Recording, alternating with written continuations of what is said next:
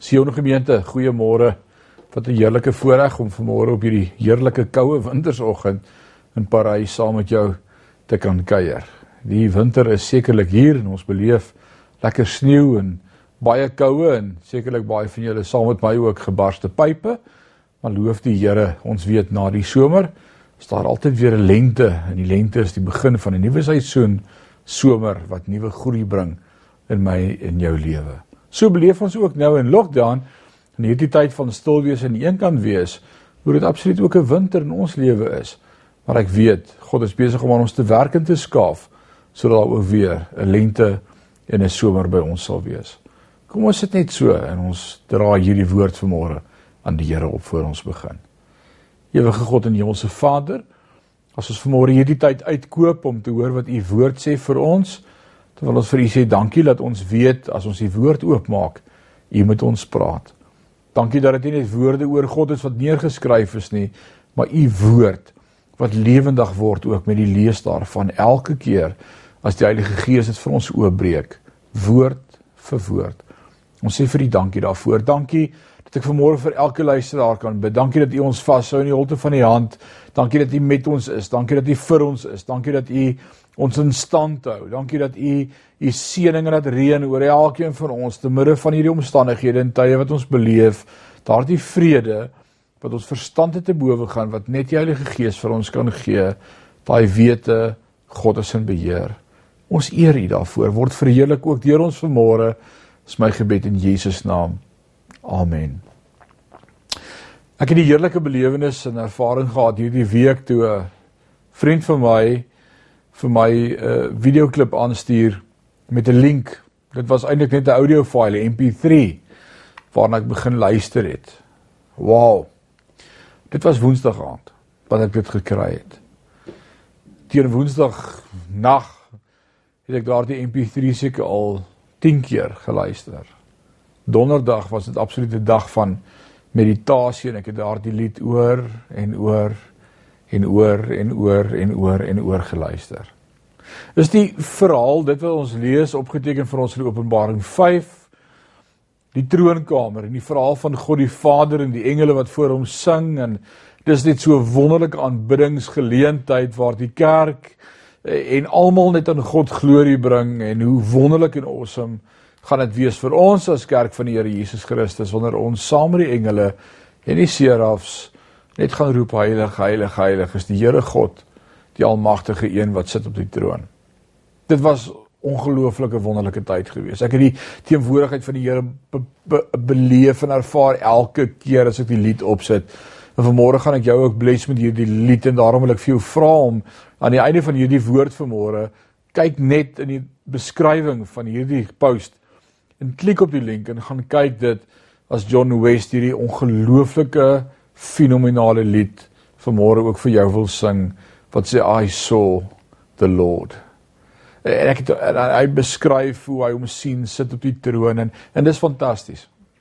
En hele Woensdag nag en Donderdag en Donderdag aand en Vrydag as ek in my gedagtes besig met hierdie lied en ek kom agter skielik hoe ek so bewus is van die teenwoordigheid van die Here. O oh man, skielik maak dinge om my net nie meer saak nie en klein goedjies wat gebeur en gisteroggend se gebarste pype, een pyp, twee pype maak nie saak nie. Maak nie saak nie vir die eenvoudige rede omdat ek so gefokus is op dit wat vir my en vir jou voorlê.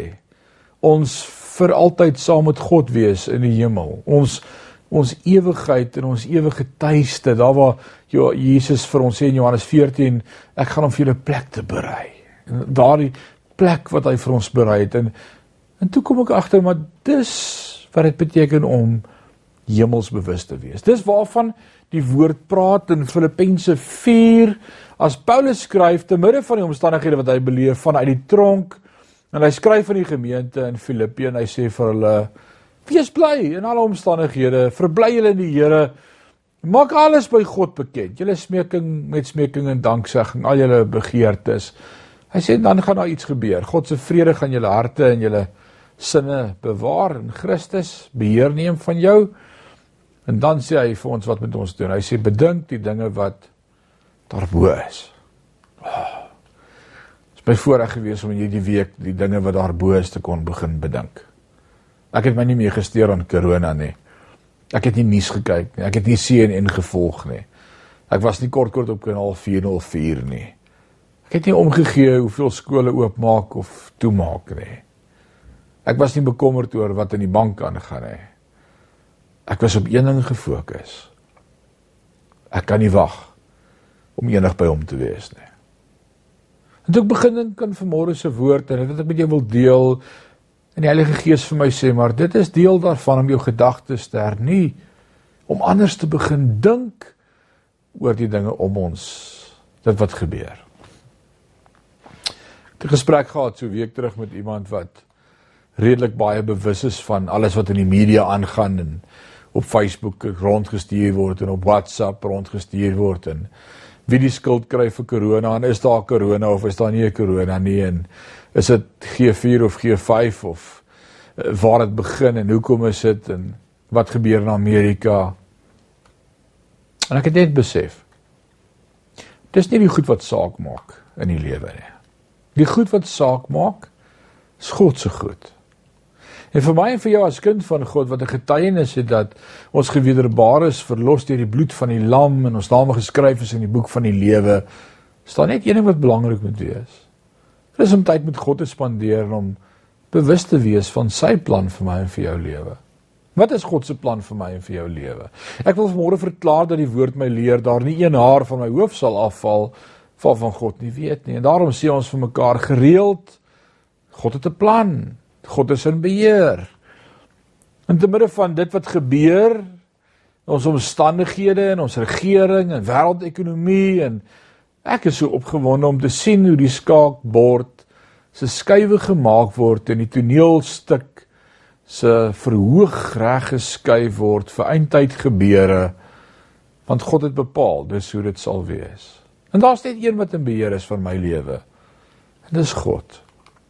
En ek wil vandag vir jou sê wanneer ek op daardie punt kom wat ek besef dat God in beheer is. En dat of dit nou watter wie is of waar is of hoekom is of wat is, dat God 'n plan het daarmee. Dan kom daar 'n ongelooflike vrede in my en jou binneste wat verstand te bowe gaan. Wat net sê God het 'n plan. Ek het vroeër die week teruggedink aan goed wat in die lewe met my en met jou al gebeur het. Iemand het met my gedeel sy lewensstorie en al die seer en al die verwyte en al die emosies en die belewennisse en hoe hy te nagekom is en dinge wat in die lewe gebeur het. En die Here vat my net weer na hierdie skrifgedeelte en ek wil dit vandag vir jou lees en as jy die woord van die Here naby het, blaai saam met my na Matteus hoofstuk 5 Ek gaan vir jou net weer lees van vers 1 tot vers 9. Dis die eerste verhaal wat vir ons opgeteken is in die evangelie van Matteus as hy skryf van die Joodse volk oor dit wat Christus vir ons kom doen het in sy 3 jaar op aarde. En dan sê Matteus 5 vertel hy vir ons van die begin van die bergpredikasie. Die eerste keer wat Jesus die geleentheid gebruik om te preek, hy het sy disippels se skare volg hom en hy praat met hulle en die eerste ding wat hy vir hulle sê is dan met 'n ander gesindheid in jou wees as in die wêreld. God se kinders is anders ingestel. Daar's ander dinge belangrik vir my en vir jou as wat vir die wêreld belangrik is. En ek wil hê jy moet saam met my lees Matteus 5 vanaf vers 1. Toe hy die skare sien, het hy by die berg geklim en nadat hy gaan sit het, het hy sy disippels na hom gekom en hy het sy mond geopen en hulle geleer en gesê: Salig is die wat arm van gees is want hulle behoort die koninkryk van die hemele. Salig is die wat treur want hulle sal vertroos word. Salig is die sagmoedig is want hulle sal die aarde beerwe. Salig is die wat honger en dors na die geregtigheid want hulle sal versadig word. Salig is die wat rein van hart is want hulle sal God sien. Salig is die vredemakers want hulle sal kinders van God genoem word. Hierdie gedeeltes in die Engels word vir ons uh, gedefinieer by wyse van the be attitudes, die die gesindheid, the be attitude. Ek wil vanmôre met jou praat oor the attitude to be. Wat se gesindheid moet ek en jy in ons harte hê? En so deel die Here met my hierdie week oor watter gesindheid in ons harte moet wees. 'n 'n geseënde gesindheid is dit wat God vir my en vir jou wil gee en begeer dat ek en jy geseën sal wees. In hierdie tyd van lockdown, te midde van omstandighede, is God se hart vir my en vir jou dat ons sy vrede en sy seën sal beleef en die regte gesindheid sal hê. Die attitude. So watter gesindheid is vir God belangrik? Waaroor praat hy met my en met jou in hierdie gedeelte? Hy praat oor arm van gees. Hy praat oor die wat treur, hy praat oor sagmoedigheid. Hy praat die wat honger en dors na geregtigheid en na barmhartiges en die wat rein van hart is en dan die vredemakers die vredemaker se woord wat daar nie meer baie gebruik word in ons dag nie. Ons leef in 'n tyd wat 'n oog vir 'n oog en 'n tand vir 'n tand is. En vergelding en en en, en self vergelding, selfregverdiging. God sal vir ons stry as ons sal vergewe. Jesus deel met hulle hierdie wonderlike geleent ge, ge, hierdie hierdie gedeelte en, en dan sê hy daar sal struikelblokke kom.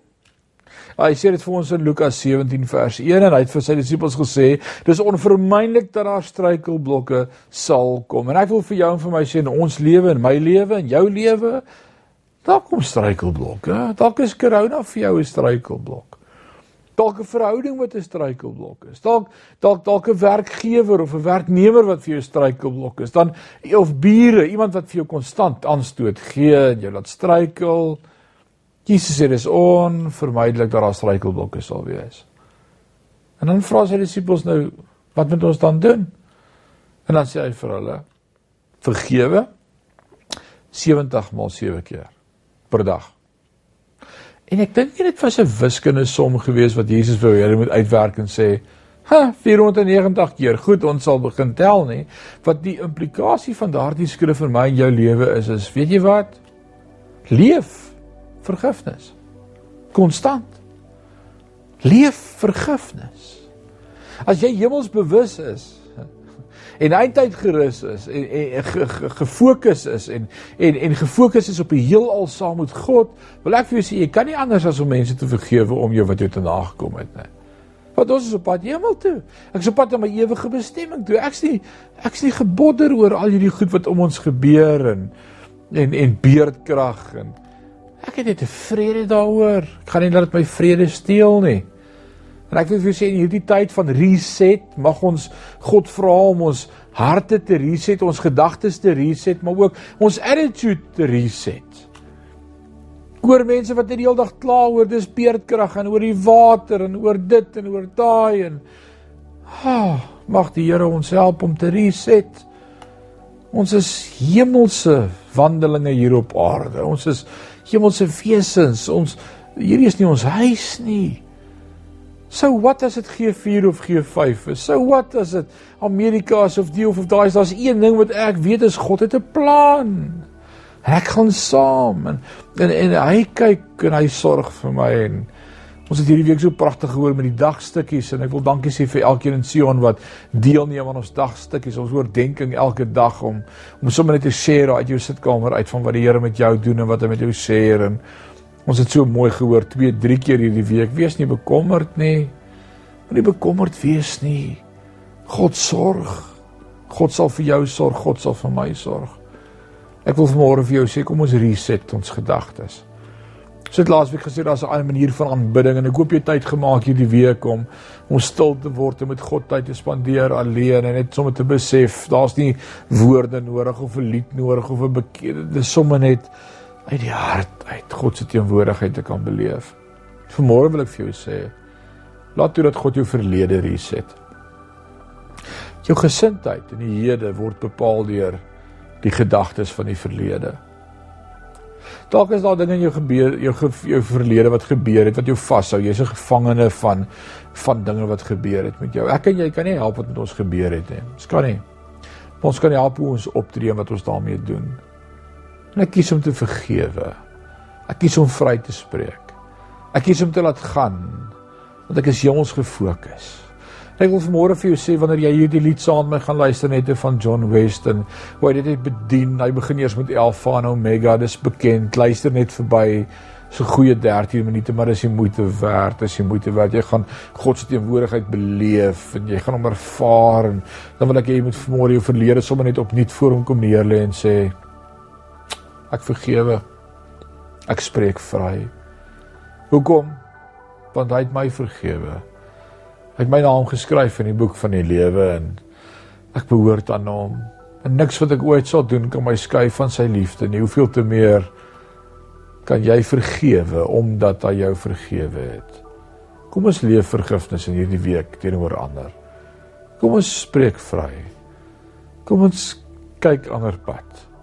Sien wat jy toe nakom of iets sê, kom ons wees nie reaksionêr en kom ons draai net die ander wang in. Kom ons wees Christus vir mekaar. Kom ons hê die regte attitude. Sion, ek wil jou challenge. Kom ons hê die regte attitude hierdie week. Kom ons kom ons wees sommer net oop kanale van Christus waar hy deur ons werk en deur ons kan praat en deur ons kan wees. Ek wil vanmôre nooi. Kom kyk saam met my na John Weston. Vanmôre vra ek vir jou, maak jou hart oop vir die Here. Wees hemels gefokus, raak hemels bewus, raak bewus van sy teenwoordigheid en sy nabyheid en ek wil vir jou sê groter is hy wat in jou is as hy wat in die wêreld is. Leef môre jou verlede by die kruis en kyk op en sien 'n toekoms, 'n wonderlike toekoms saam met Christus. Mag die Here jou in hierdie week so bless. Mag jy 'n blessing wees vir ander. Mag jy ander inspireer om voluit vir God te lewe. Maak jou hart oop dat hy deur jou kan werk. Die Here seën jou.